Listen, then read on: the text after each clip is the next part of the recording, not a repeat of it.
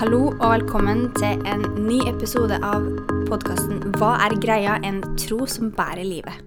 Og den er det meg, Lill Katrin og Hanna. Og vi driver denne podkasten sammen. Og vi har et hjerte for at unge voksne skal få lære mer om Jesus og få en dypere tro og dypere relasjon med han. Og dagens episode den handler om bønn. Og bønn er jo en måte som vi connecter med Gud på. Og før vi starter helt på dagens tema, så skal vi jo ha disse fun factene, da, som vi pleier å ha. Lill Katrin, fortell meg en fun fact om deg. Jo, nå skal du høre. Jeg er visst mer sær på farger enn det som jeg sjøl har trodd tidligere. Så eh, for noen år siden så flytta jeg til Farsund, og da fikk jeg en rød sofa. Og jeg visste ikke at jeg hadde et litt anstrengt forhold til fargen rød, men, men jeg hater visst fargen rød. Jeg hater ikke når andre har den, men, men jeg sjøl Nei, jeg greier det ikke. Så jeg har visst eh, litt sånn Ja, jeg er visst litt sær på farger, da. Jeg er veldig glad i blå og grønn og sånn, men, men rød, da, da, da blir jeg seriøst stressa, liksom. Så jeg husker at jeg ble sint hver gang jeg gikk inn i stua og så sofaen var der. Så ja, litt sært, men sånn er det. Enn du da, Hanna? Ja, jeg er sånn som ikke liker å drite meg ut. Det er vel egentlig ingen som liker å drite seg ut. Men det å drite meg ut med vilje, det har jeg ingenting imot. Så når jeg gikk på Ansgar bibelskole, så um, tok jeg på meg en hvit kjole, brudeslør og uh, høyhæla sko. Og så gikk jeg opp på scenen, og så hadde klassen min da skrevet om Cess sin uh, 'Drømmemannen'.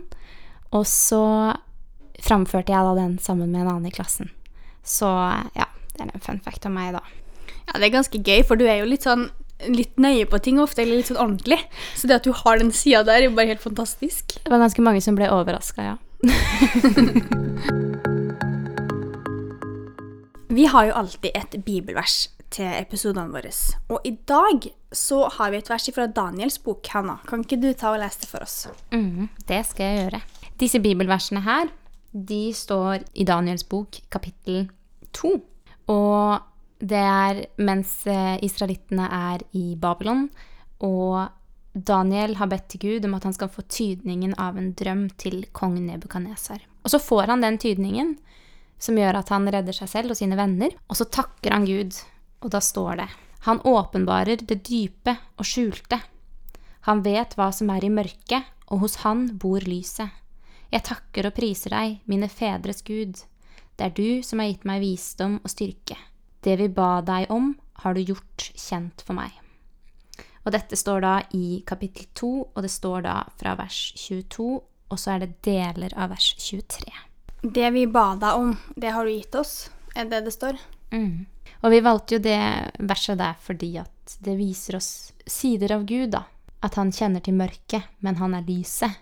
Mm. Her besvarte han jo en bønn da, fra Daniel, som viser da at ja, det vi ba deg om, det har du gitt oss. Mm. Og det viser oss jo veldig det hjertet da, som Gud har for sitt folk. Mm. Ok, Lill Katrin. Vi har jo begynt å stille hverandre litt spørsmål i Mm. starten av podkastepisodene. Og dagens spørsmål de går jo selvfølgelig på bønn. Og det første spørsmålet som jeg har lyst til å stille deg, det er Er bønn viktig for deg? Og hvorfor er det viktig for deg? Ja, bønn er veldig viktig for meg. Og eh, det er nok viktig fordi at jeg har merka hvor eh, viktig det er for min relasjon med Gud, da. Jeg begynner ofte dagen med å be og lese Bibelen. Og da er det ikke alltid den lange bønnen, men det kan være liksom Kjære Jesus, takk for at du er med meg i dag. Og så har jeg en bønneliste som jeg ber for, da. Og så kan jeg si bare Kjære Jesus, du ser de navnene som står på bønnelista mi. Og så opplever jeg at de dagene jeg gjør det, og de dagene jeg på en måte legger min dag i Guds hender, så får jeg en veldig god dag, da. Jeg merker at Gud er med meg på en helt annen måte når jeg ber han om det. Og så vet jeg jo at han er med meg uansett, men han er kanskje Når jeg er oppmerksom på at han er med meg, nei, da merker jeg det tydeligere, da. Og jeg er mer sånn klar over Guds nærvær gjennom hele dagen.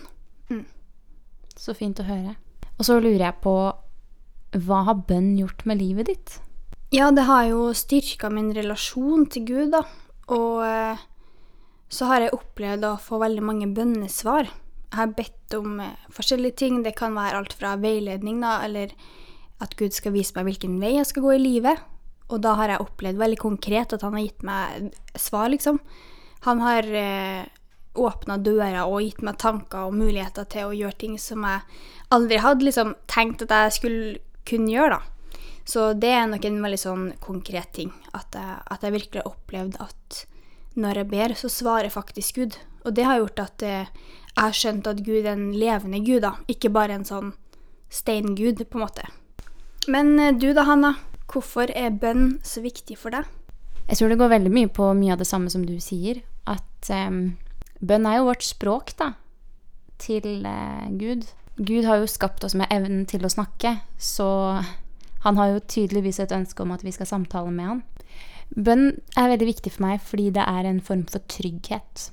Så når jeg ber til Gud, eller når jeg ber til Jesus, så kan det være veldig mange forskjellige typer bønner. For det finnes jo veldig mange forskjellige typer bønner. Vi skal gå litt gjennom det etterpå. Men da legger jeg på en måte mitt liv, eller mine problemer, da, på han.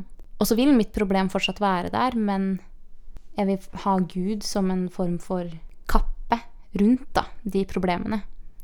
Så, og så tror jeg bønn er med på å styrke oss veldig og gjøre oss i stand til å stå mer imot det vi møter på, og også som ja, bygger det relasjonelle da, til Gud. Bygge den relasjonen. Gjennom bønn tror jeg vi kan sette Gud som nummer én, da. Jeg tenkte på, Når du sa det med at Gud er med deg som en kappe, så tenkte jeg på Casting Crowns har en sang som heter Second Opinion. Og som handler om eh, liksom, å dra bibelske sannheter og verdslige sannheter da, og så si at det en, finnes en forskjell. Der er det en linje i sangen som sier at eh, folk sier at eh, Gud gir deg ikke mer enn du kan takle.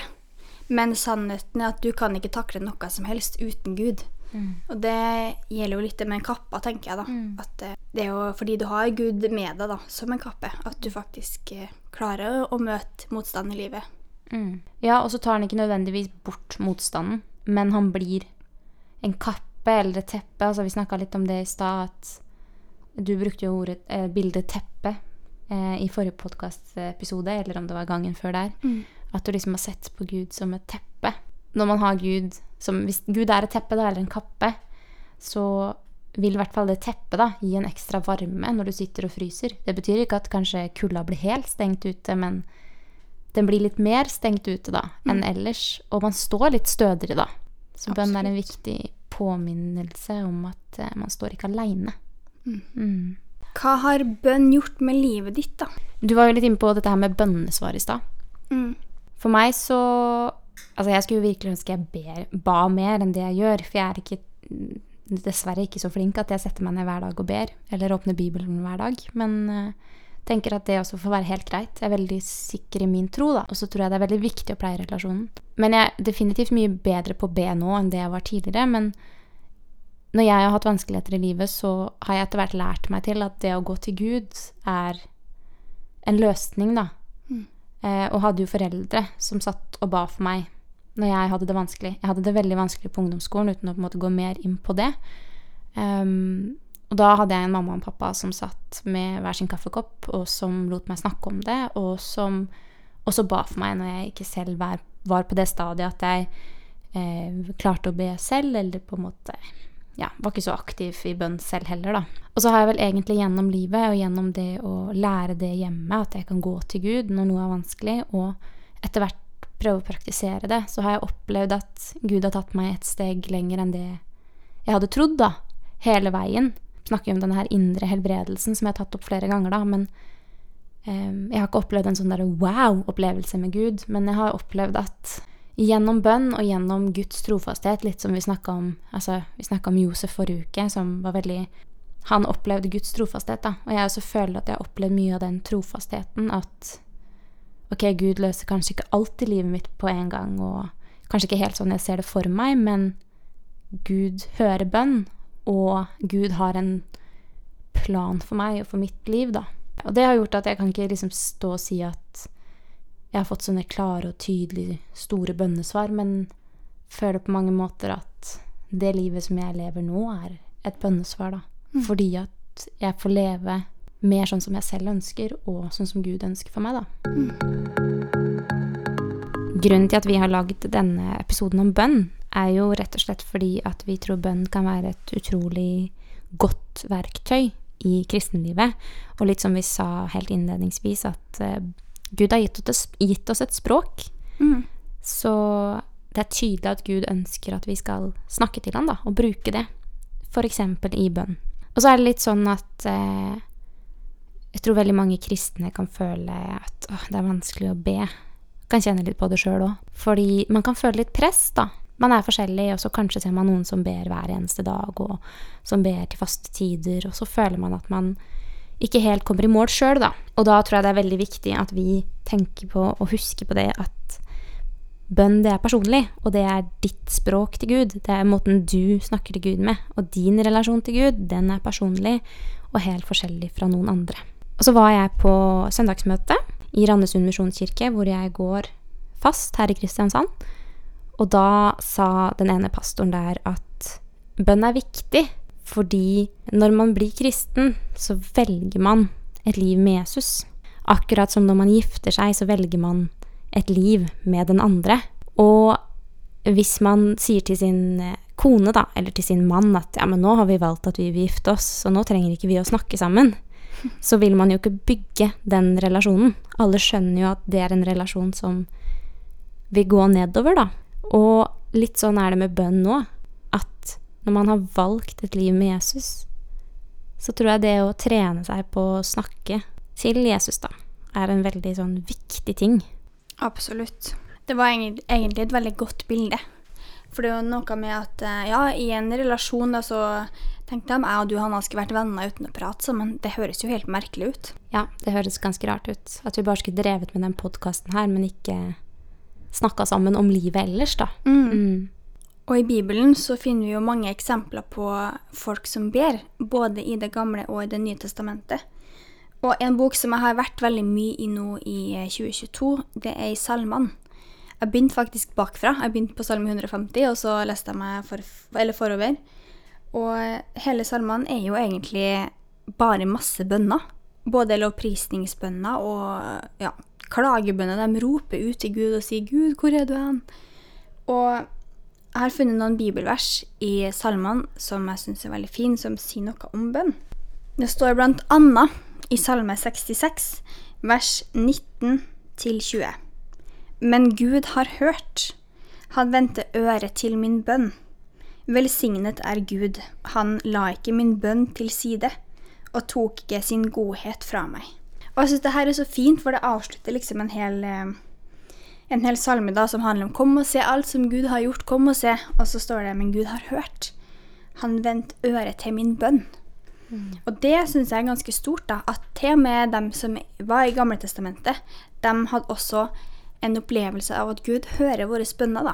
Mm. Og det syns jeg er veldig, veldig fint. Absolutt. Og i Salme 34, i vers 18 18 og fram til, vers, eh, fram til vers 21 så står det De rettferdige roper, og Herren hører, og han frir dem ut av alle deres trengsler. Herren er nær hos dem som har et sønderbrutt hjerte, og den som har en sønderknust ånd, frelser han. Mange er plagene for den rettferdige, men Herren frir ham ut fra dem alle. Han bevarer alle hans bein, ikke ett av dem skal bli brutt. Og det også syns jeg er en sånn kjempefin salme, for den, den, sier noe om det at Gud, han hører deg, da, når du roper. Han lytter til at du roper. Og han er der for den som har et sønderbrutt hjerte og en sønderknust ånd. Og han ønsker å være med deg gjennom alle de plagene da, som du måtte møte på. Og på et tidspunkt så vil du bli utfridd fra dem. Om det er Noen plager blir man kanskje utfridd fra mens man er på jorda, mens andre blir man kanskje utfridd fra idet man kommer til himmelen, da. Men jeg bare syns det er så utrolig fint, og også det om at ikke et eneste bein da, hos oss skal bli brutt. At han virkelig passer på oss. Mm. Mm. Og det er jo bare noen av de former for bønner som man kan finne i Det gamle testamentet. Og så, så leste vi jo i stad Daniels takkebønn til Gud. Så finnes det jo også masse andre bønner da, gjennom hele Det gamle testamentet. Og ikke overraskende nok så står det jo ganske mye om bønn i Det nye testamentet også. Og da er det bl.a. Paulus som skriver en del om bønn. Og tidligere i vår så laga jo jeg en eh, liten video om et vers som står i første Tessalonikerbrev, kapittel 5. Og da er det vers 16 til 18, og der står det Vær alltid glade, be uavbrutt og takk Gud under alle forhold. Hvis dere har sett den videoen, så, så sier jeg jo noe om at det, det å be uavbrutt betyr ikke at man skal gå rundt og Kjære Jesus, kjære Jesus, kjære Jesus. Men det handler om å ha med seg Gud inn i hverdagen. Og bare vite at han er der i ryggen din, og vite at du kan ta den fram uansett hvilken situasjon du havner i. Uansett om du har en god dag, eller om du har en dårlig dag. Og så, Hanna, har du et vers fra Efeseren, har du ikke det? Jo, for i Efeserne kapittel 1 og fra vers 17 og utover så står det også noe veldig fint. Og det skal jeg lese nå. Der står det nemlig Jeg ber om at vår Herre Jesu Kristi Gud, herlighetens Far, må gi dere visdommens og åpenbaringens ånd i erkjennelse av ham, og at deres forstands øyne blir opplyst, slik at dere kan forstå hvilket håp dere fikk ved hans kall, og hvor rik på herlighet hans arv er blant de hellige, og forstå hvor overveldende stor hans kraft er for oss som tror, etter virkningen av hans mektige kraft. Det var den han lot virke i Kristus da han reiste han opp fra de døde og satte ham ved sin høyre hånd i den himmelske verden, høyt over all myndighet og makt og kraft og herredømme og over hvert navn som nevnes, ikke bare i denne tidsalder, men også i den kommende. Og han la alle ting under hans føtter og ga ham til menigheten som hode over alle ting. Menigheten som er hans kropp, fylden av ham som fyller alt i alle. Og det også syns jeg er så utrolig fint, for det er så mye i disse versene her som forteller oss noe om hvem det er vi tror på, og hvilken kraft da, som det er vi får lov til å få Mm. av Gud og av Jesus, rett og slett. Og så la jeg merke til én ting når jeg satt og forberedte meg litt, og det er at Paulus han bruker For jeg har sett på flere bønner av Paulus, og han bruker ordet erkjennelse. At når vi ber, så må erkjennelsen av Gud vokse. Og det syns jeg er så godt ord, fordi at eh, jeg tror det skjer noe med oss når vi ber. Og det er jo nettopp det at når vi ber, så da fester vi blikket på Gud. Og så gir vi han mulighet til å vise oss hvem han er. Og når vi gir han den muligheten, så vil vi se mer av hvem han er. Og dermed så vil også vår erkjennelse og vår forståelse vokse da, og bli større. Og vi vil klare å ja, stå imot veldig mye òg, fordi vi vet Vi kan erkjenne at det er kongenes konge som vi tror på, og herrenes herre. At eh, Gud er så stor, da, og så mye større enn alt det som du og jeg måtte møte på, da. Mm. Så den eh, bønnen som Paulus kommer med her i Efeserbrevet, den syns jeg er eh, skikkelig, skikkelig fin. At vi skal, hvor han ber om at vi må få visdom og åpenbaring. Og at vi må få erkjenne da, og forstå hvilket håp det er som vi har i, i Jesus. Mm. Mm. Og så har vi jo et punkt til som vi føler at det er veldig naturlig å ta med. Og det er jo rett og slett eh, Jesus og hva Jesus sier om bønn, og hvilke typer bønner han ber. Og han ber jo ganske mange forskjellige typer bønner, og utfordrer oss til å be en del forskjellige bønner òg. Og en av de tingene som eh, Jesus sier at vi skal gjøre, er jo det å elske våre fiender. Og det innebærer jo òg at vi ber for våre fiender, at vi ber for de som gjør oss vondt, da. Og det er ganske vanskelig. For det er ikke så vanskelig å være snill mot de som er snille mot oss, men det å skulle sette seg ned og ønske godt da, om noen som man egentlig ikke vil ha så mye med å gjøre, det er en skikkelig utfordring. Og så kan man spørre seg hvorfor oppfordrer Jesus oss til å gjøre dette? Og så tror jeg det er minst to grunner til det, og det ene er at eh, gjennom at du ber for din fiende, da, hvem enn det er, så kan det være at den personen får se en form for godhet hos deg som gjenspeiler Jesus, og at de gjennom det blir kjent med Jesus og blir frelst, da. At det å gjengjelde ondt med godt rett og slett viser hvem vår Gud er, da. Og så tror jeg også det er det som skjer i deg, at det er et aspekt av det, da.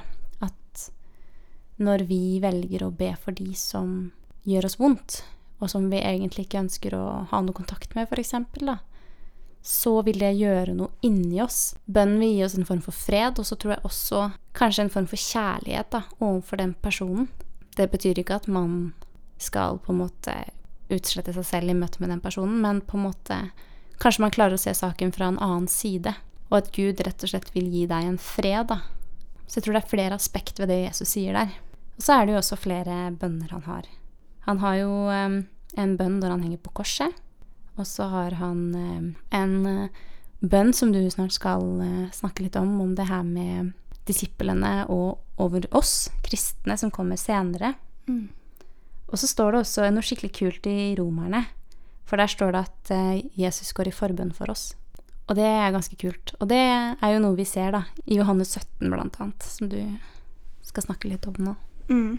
Ja, fordi at uh, før Jesus blir tatt til fange og uh, hengt på korset, så står det at han ber for alle sine. Og den bønnen her står det om i Johannes 17. Og det, altså, jeg tuller ikke når jeg sier jeg har mange favorittplasser i Bibelen, men det her er helt klart en av dem, altså topp tre, liksom. Og det er så utrolig vakkert hvordan Jesus ber for sine disipler. Altså, jeg bare ser kjærligheten Jesus har for sine disipler gjennom den bønnen her. I vers 11 så står det Jeg blir ikke lenger i verden, men de er i verden. Og jeg går til deg. Hellige Far, bevar dem i ditt navn, det navnet du har gitt meg så de kan være ett, slik som vi er ett. Og så står det at jeg ber ikke om at du skal ta dem ut av verden, men at du skal bevare dem fra det onde. Det står det i vers 15.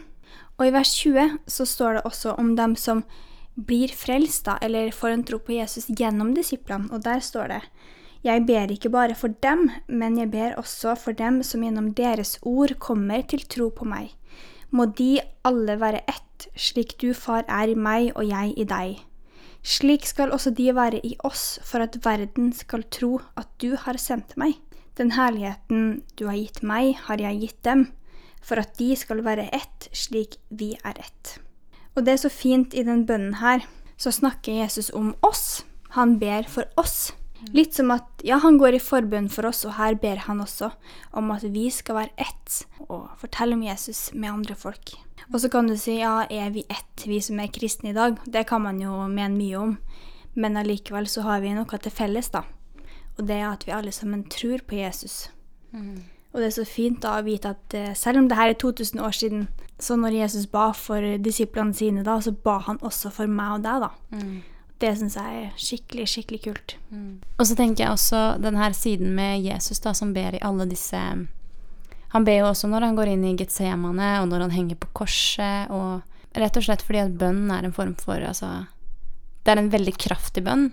Og så tror jeg også det er en Jeg vil jo tro når Jesus ba disse bønnene, spesielt når han var i disse situasjonene som skapte veldig mye angst hos han, da, at det også ga han en form for trygghet og hvile, da. Sånn som vi snakker om denne hvilen som vi kan oppleve, da, mm. når vi velger å søke Gud. Og så tenker jeg det at når vi ser at Jesus, som er Guds sønn, har bønn som en så viktig del av sin tjeneste og sitt liv, så forteller det oss jo noe om hvor viktig bønn faktisk er, da, når det kommer til vår relasjon eh, med Jesus og med Gud. Ja, og så er det jo veldig kult da at vi som lever i dag, eller alle mennesker egentlig, kan få lov til å snakke med Gud og kommunisere med Gud på akkurat samme måte som Jesus. Mm. Det har jeg tenkt på at det er litt stort, egentlig. Ja, der er jeg helt enig med deg. Det er ganske kult, faktisk. Mm. Og Jesus lærte jo faktisk disiplene sine også en bønn som heter Vår Far. Den kan jo veldig mange. Og det var jo en veldig sånn god oppskrift på hvordan vi og disiplene kunne be til Gud, da. Og den bønnen der, den syns vi er såpass viktig at den skal vi lage en egen episode på litt senere. Nå har vi lyst til å se litt på hvordan bønn har noe å si for vårt kristenliv. For i mitt liv så ber jeg jo en del på morgenen, f.eks. Det er da jeg er mest fokusert og greier å be mest. Men det fins jo mange typer former for bønn. Mm. Og så har vi snakka litt om hvorfor vi skal be, og nå har vi lyst til å snakke litt om hvordan. Og Hanna, du har jo noen ulike former for bønner. Ja. Du har jo eh, trengselsbønn, f.eks Det kan jo være litt sånn som salmene, at man roper ut sin trengsel til Gud. Altså den bønnen hvor du fokuserer veldig på det du trenger, da, og at Gud skal beskytte deg eller gi deg det du trenger. Og så har du eh, en av mine to favoritter. Det er takkebønn. Den syns jeg er veldig fin. For den er med på å eh, vise deg hva du har i en situasjon hvor du ønsker mer. Og så har du velsignelse. Og velsignelse har jo jeg en skikkelig forkjærlighet for. For det tror jeg virkelig er noe av det fineste vi kan gjøre for hverandre, da. Det å be Guds velsignelse, altså be at Gud skal være med over en annen person, det tror jeg er noe av det fineste. Mm. Og så er det noen flere, Lill Katrin, og det er jo da Lovprisning. mm, Som tidligere nevnt i den videoen, så er 2022 lovprisningens år for meg. mm, Og lovprisning handler for meg om å si Gud, takk for den du er. Og takk for at du er større enn problemene mine. Og det handler ikke om å benekte det som er vanskelig, men det handler om å sette Gud over det og si at han er enda større. mm, Og da kan man gjøre det gjennom lovprisning, da. Og da er det veldig mange salmer som er veldig gode til det, spesielt sånn 150. Salme 150. Og så har vi tidebønn. Og tidebønn er jo en eldgammel praksis som handler om at man ber til ulike tidspunkt på dagen. Det handler om å egentlig få en sånn bønnerytme da, og bønnerutine som man tar med seg, da, og dermed får en sånn stopp mange ganger i løpet av dagen med Gud. Og en annen måte er jo faktisk å faste. Og det er jo litt sånn bønn og faste. Den går jo hånd i hånd, sier man jo alltid. Og det er også en veldig fin ting, egentlig. Og da er det veldig vanlig at man eh, gjerne f.eks. dropper å spise mat da, og faste fra mat. Og da leser man gjerne Bibel og synger lovsanger og sånn. Og ber når man heller skulle ha spist. Og det gjør at man eh, man får et veldig skjerpa fokus da på Gud. Og det kan man gjøre én dag, eller fem dager, eller 30 dager og sånn. Og nå i vår tid er det veldig van vanlig å bytte ut det å ikke spise med f.eks. å være borte fra sosiale medier, da. For å sette fokus på Gud. Absolutt. Og så er det nok det noe som er fint for noen, men kanskje ikke for alle. Mm. Men eh, kanskje man ikke trenger å ta hele perioden, da, men som du sier, én eller to eller tre dager. Bare for å teste det ut, og for å se om det gir kristenlivet noe vekst, da. Mm. Mm. Og så var det her om dagen at eh, jeg var hjemme til Hanna, og så fortalte hun at hun hadde skrevet en bønn. Og den syntes jeg var så utrolig fin at jeg sa å, den må du lese i podkasten. Så Hanna, kunne du tenkt deg å lese den bønnen for oss? Ja, det kan jeg gjøre. Og det er en eh, form for takkebønn. For jeg bruker eh, takkebønn ganske mye. Jeg synes det, som jeg sa i stad, det er jo en av mine favorittbønner. Og det er rett og slett fordi at eh, jeg har veldig mye å være takknemlig for. Og da syns jeg det er på sin rette plass at jeg takker Gud for det. Det at jeg har det så bra som jeg har det nå, da, det er liksom Det er Guds eh, Det er på grunn av Gud. Eh, og da ønsker jeg å takke Han for det. Og så er det også sånn at jeg har mange ting som jeg ønsker meg, som jeg virkelig ønsker, som sitter dypt inni meg, da. Og som jeg ikke har akkurat nå. Det er sikkert flere som kan kjenne seg igjen i det. Det kan jo være forskjellige ting. Det kan jo være litt vanskelig. At du har et veldig sterkt ønske om noe, og så opplever du at du kanskje ikke får det, og så ser du at folk rundt deg får det, da. Det var i forbindelse med det her at jeg bestemte meg for at ok, men da skal jeg skrive en takkebønn som jeg kan bruke på en måte litt sånn fast innimellom. Så nå kommer den. Pappa, når jeg lengter etter noe som ligger der fremme, minn meg på hvor langt jeg har kommet. Minn meg på alle steg jeg har gått sammen med deg. Steg hvor du hele tiden har holdt rundt meg som når jeg lærte meg å gå for første gang. Vis meg på ny alle fjell jeg har beseiret, og hvor langt jeg har gått, slik at jeg kan finne takknemlighet midt i min lengsel etter det som ligger der fremme. For din kjærlighet har ført meg hit jeg er i dag, ført meg frem til den lengselen som jeg føler på i dag. Takk for at du går sammen med meg, også gjennom denne sesongen.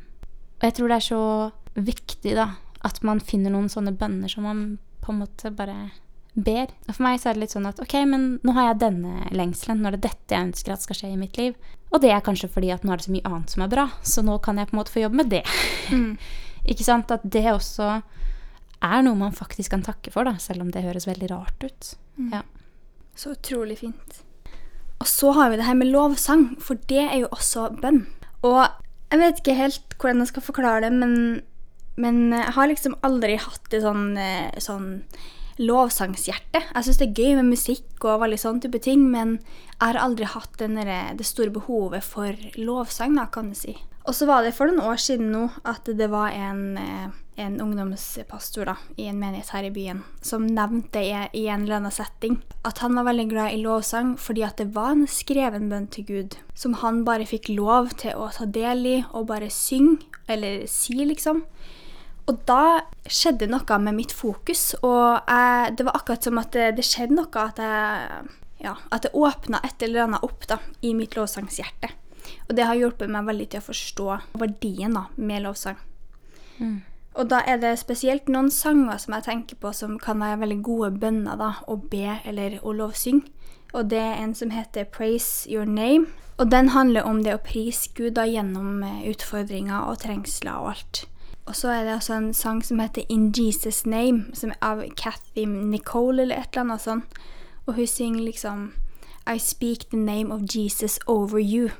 Du kan få lov til å be Guds kjærlighet eller Jesu kjærlighet over et annet menneske.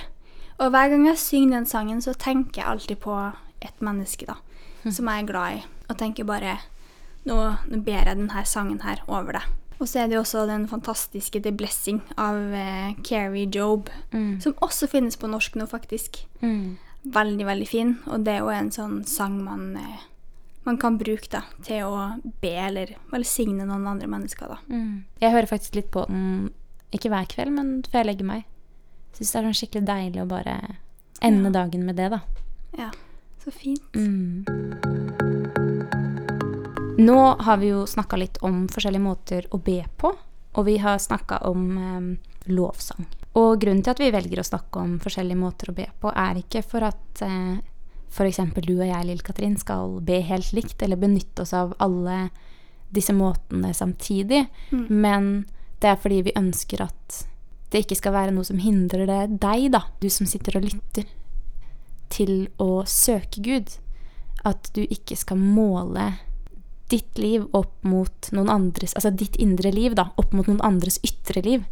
Ikke sant? At eh, vi har en veldig tendens til å sammenligne oss, og det gir oss også et veldig ansvar. Tendens til å sammenligne oss med de vi ser i kirka, eller den som står på plattforma, og tenke at å, de har kommet så mye lenger i kristenlivet enn meg, eller de er så mye mer hellige enn meg, for de ber så og så mye mer enn det jeg gjør, og de må ha det så mye bedre med Gud enn det jeg har det med Gud.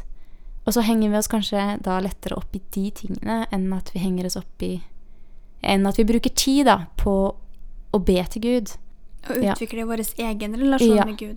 Så litt poenget med denne episoden har jo rett og slett vært det å bryte ned disse barrierene og si noe om at her er ulike former for bønner. Sånn ber Jesus. Her har du bønner i Det gamle testamentet, her har du bønner i Det nye testamentet. Dette tenker vi om bønn. Og så snakka vi litt om lovsang, og litt sånn tror jeg også det er når det kommer til lovsang. For det også er en sånn veldig personlig stund med Gud. Og da håper jeg jo at man føler på den friheten til å stå eller sitte eller sette seg på kne, eller hva enn man måtte føle på, da. At man ikke føler at fordi man ser at alle rundt seg reiser, reiser seg opp, så må også jeg reise meg. Lovsang handler jo om å erkjenne Gud og komme nærmere Gud, og da må du komme nærmere Gud gjennom ditt språk, da. Så jeg har jo mange ganger tenkt det, at jeg skulle ønske at når lovsangstimen står på scenen, og denne lovsangspolken begynner, da, så skulle jeg ønske at vi kanskje var flinkere på å si at eh, nå er det lovsang. Du som har lyst til å reise deg, du reiser deg, og du som har lyst til å sitte, du sitter. Dette er din tid med Gud, da. For jeg tror det er viktig også i lovsang å liksom huske litt på at det kan være en form for barriere, da, for folk. Mm. Ja, det er veldig sant det du sier der. Også det med å løfte hender og alt mulig, at du må gjøre det som er naturlig for deg. Og det må faktisk jeg bli litt flinkere på å si til mine ungdommer, da. At eh, ikke bare si 'nå reiser vi oss', men si akkurat det du sier der. Med at eh, nå er det tid med Gud. Nå skal vi få lov til å bare være sammen med Gud på vår måte. Og både det å sitte og stå er like greit. Mm. Vi liker jo å være litt praktisk også. Vi liker liksom å ha en god blanding mellom det teoretiske og det praktiske. Og Derfor så har vi lyst til å gi dere noen verktøy når det kommer til det med bønner. For som Hanna sa, så handler det veldig mye om å finne sitt språk med Gud. Bruk dine ord. Gjør det som er naturlig for deg. Og en ting som er veldig naturlig for meg, det er å skrive. Så jeg har faktisk en bønnebok. Det vet jeg at du også har, Hanna. Og der skriver vi bønner til Gud. Og det kan være veldig fint å av og til bare skrive istedenfor å si så mye. Av og til så sier jeg ting bedre når jeg får sagt det skriftlig, da, kan du si. Og så har jeg også en eh, bønneliste helt framme i Bibelen min, hvor jeg har noen navn som jeg ber for da, hver eneste dag. Eller prøver i hvert fall å be for dem hver dag. En veldig konkret ting faktisk som utfordrer meg til å lage hele den bønnelappen, det er at eh, jeg kjenner et menneske som er kronisk syk. Og så eh, bestemte jeg meg for at hun ville be for i et halvt år. Jeg forplikta meg liksom til det. Så jeg har satt en dato i bønneboka mi hvor jeg har skrevet jeg forplikter meg til å be for den personen her i et halvt år. Og nå har det snart faktisk gått et halvt år. Den personen ber jeg for hver dag. Og en annen ting som jeg gjør sammen med den bibelgruppa som jeg har for jenter i menigheten min, det er at vi leser en bok som heter Et halvt år med Jesus sammen. Og boka den tar for seg Lukasevangeliet på et halvt år. Ett kapittel i uka. Og det hjelper meg til å ta opp Bibelen min hver dag og lese den korte bibelteksten. Og også gjøre meg noen eh, tanker da rundt det, og be en kjapp en til Gud hver dag. Så det er et veldig godt verktøy hvis du er en person som liker å ha noe skriftlig, eller trenger liksom å ha en slags rutine da, gjennom en bok, f.eks. Og det er jo for eh, de som er veldig glad i det som du sier, det skriftlige. Men så har du også de som eh, ja, kanskje ikke syns det er så gøy og lett. Eh, noen liker jo bare å be helt vanlig. Altså folde hender og sitte i bønn. Noen kan sitte timevis i bønn. Det klarer ikke jeg. Jeg kan be noen setninger, og så ofte sovner jeg til bønn òg. Og det er veldig mange som tenker at å nei, det må jeg ikke gjøre. Men så tenker jeg jo da, det kan jeg bare gjøre. Fordi når jeg sovner sovner til bønn, så roer jeg meg jo sjøl ned. Fordi jeg har bedt en bønn før jeg sovner. Det er det siste jeg gjør. Og så sovner jeg rett og slett av det. Fordi det er en sånn fred og ro i det, da. Men eh, for de som heller ikke liker det, eller som syns det er vanskelig å finne tid, og vanskelig å starte, så er det jo på en måte hvis man er ute og går en tur, da, skal til butikken, eller på en måte det å bare Ja. Hei, Gud, denne tiden kan du få. Denne tiden har jeg sett av til deg i dag. Og så trenger du ikke å fylle hele den turen til butikken med en bønn. Det kan bare være én setning eller to, eller bare Takk for at du er med, Gud. Ikke sant? Da har du satt fokus, da. Og når jeg gikk på videregående, så hadde jeg en liten periode, den var ikke så veldig lang, men eh, når jeg satt på bussen hvor jeg før liksom ja, før skolen begynte, på vei til skolen på morgenen på bussen, hvor jeg satt og eh, la dagen da, i Guds hender. Og så gjorde jeg ikke så mye mer enn å bare si 'denne dagen gir jeg til deg', takk for at du er med, men det satte litt fokus da, for den dagen. Og jeg gjorde meg sjøl bevisst på at hvem det er jeg går sammen med, da. Og hvis vi liksom skal eh, oppsummere hele dagens episode, så er jo det litt eh, det her om at bønn, det er ditt personlige språk til Gud. Hvordan du ber, det er opp til deg. Og det er for å styrke din relasjon til Gud, og alle relasjoner er forskjellige. Så ikke vær redd for å be på en annen måte enn det du ser de rundt deg gjør, da. Mm. Ja, finn din måte. Finn mm. den måten som funker for deg og Gud. Det er det aller viktigste. Mm. Da har vi kommet til en avslutning, så vi skal nå runde av denne podkastepisoden. Det har vært en skikkelig morsom episode å spille inn, og vi håper at eh, du som lytter fikk noe ut av det. Absolutt. Det har vært eh, skikkelig gøy å spille inn litt og snakke om bønn og sånn med deg, Hanna. Det er alltid veldig gøy å henge med deg. Og så har vi lyst til å eh, be for dere og for alt som, som skjer rundt i verden i dag, og da tenker vi kanskje spesielt på det som skjer i Ukraina og Russland. Mm. Vi har fått verdens beste verktøy, og det er bønn. Og da kan vi få lov til å legge alle problemer, alle utfordringer, alle, alle kriser og kriger i Guds hender. Mm. Og det er et veldig godt verktøy, og det kan alle kristne gjøre, uansett hvor vi er hen i verden. Så Hanna, kan ikke du ta og be litt for oss? Jo. Kjære pappa, takker deg for at uh, du ser alle som lytter til denne podkasten takker deg for at uh, du ønsker å være dems pappa, og for at du ønsker at de skal komme til deg og være med deg på den måten som er naturlig for dem, kjære far. Bare be om at du skal vise, deg, vise dem hvem du er, og hvor høyt elsket de er. Og så be deg, kjære far, om at du må være med inn i all den trengselen som finnes rundt i verden nå, kjære far. Både i Ukraina, men også rundt omkring ellers i verden, kjære far. Takk for at du ser alle dine barn. Hele verden. For at du elsker hver og en av oss. Ber om at du må gå sammen med dem gjennom det som er vanskelig, og vise dem din store trofasthet. Amen. Amen. Tusen takk, Hanna. Det var veldig fint. Da vil jeg lyse Herrens velsignelse over oss helt til slutt. Herren velsigne deg og bevare deg. Herren la sitt ansikt lyse over deg og være deg nådig. Herren løfte sitt ansikt mot deg og gi deg fred. Amen. Ha det bra. Ha det godt.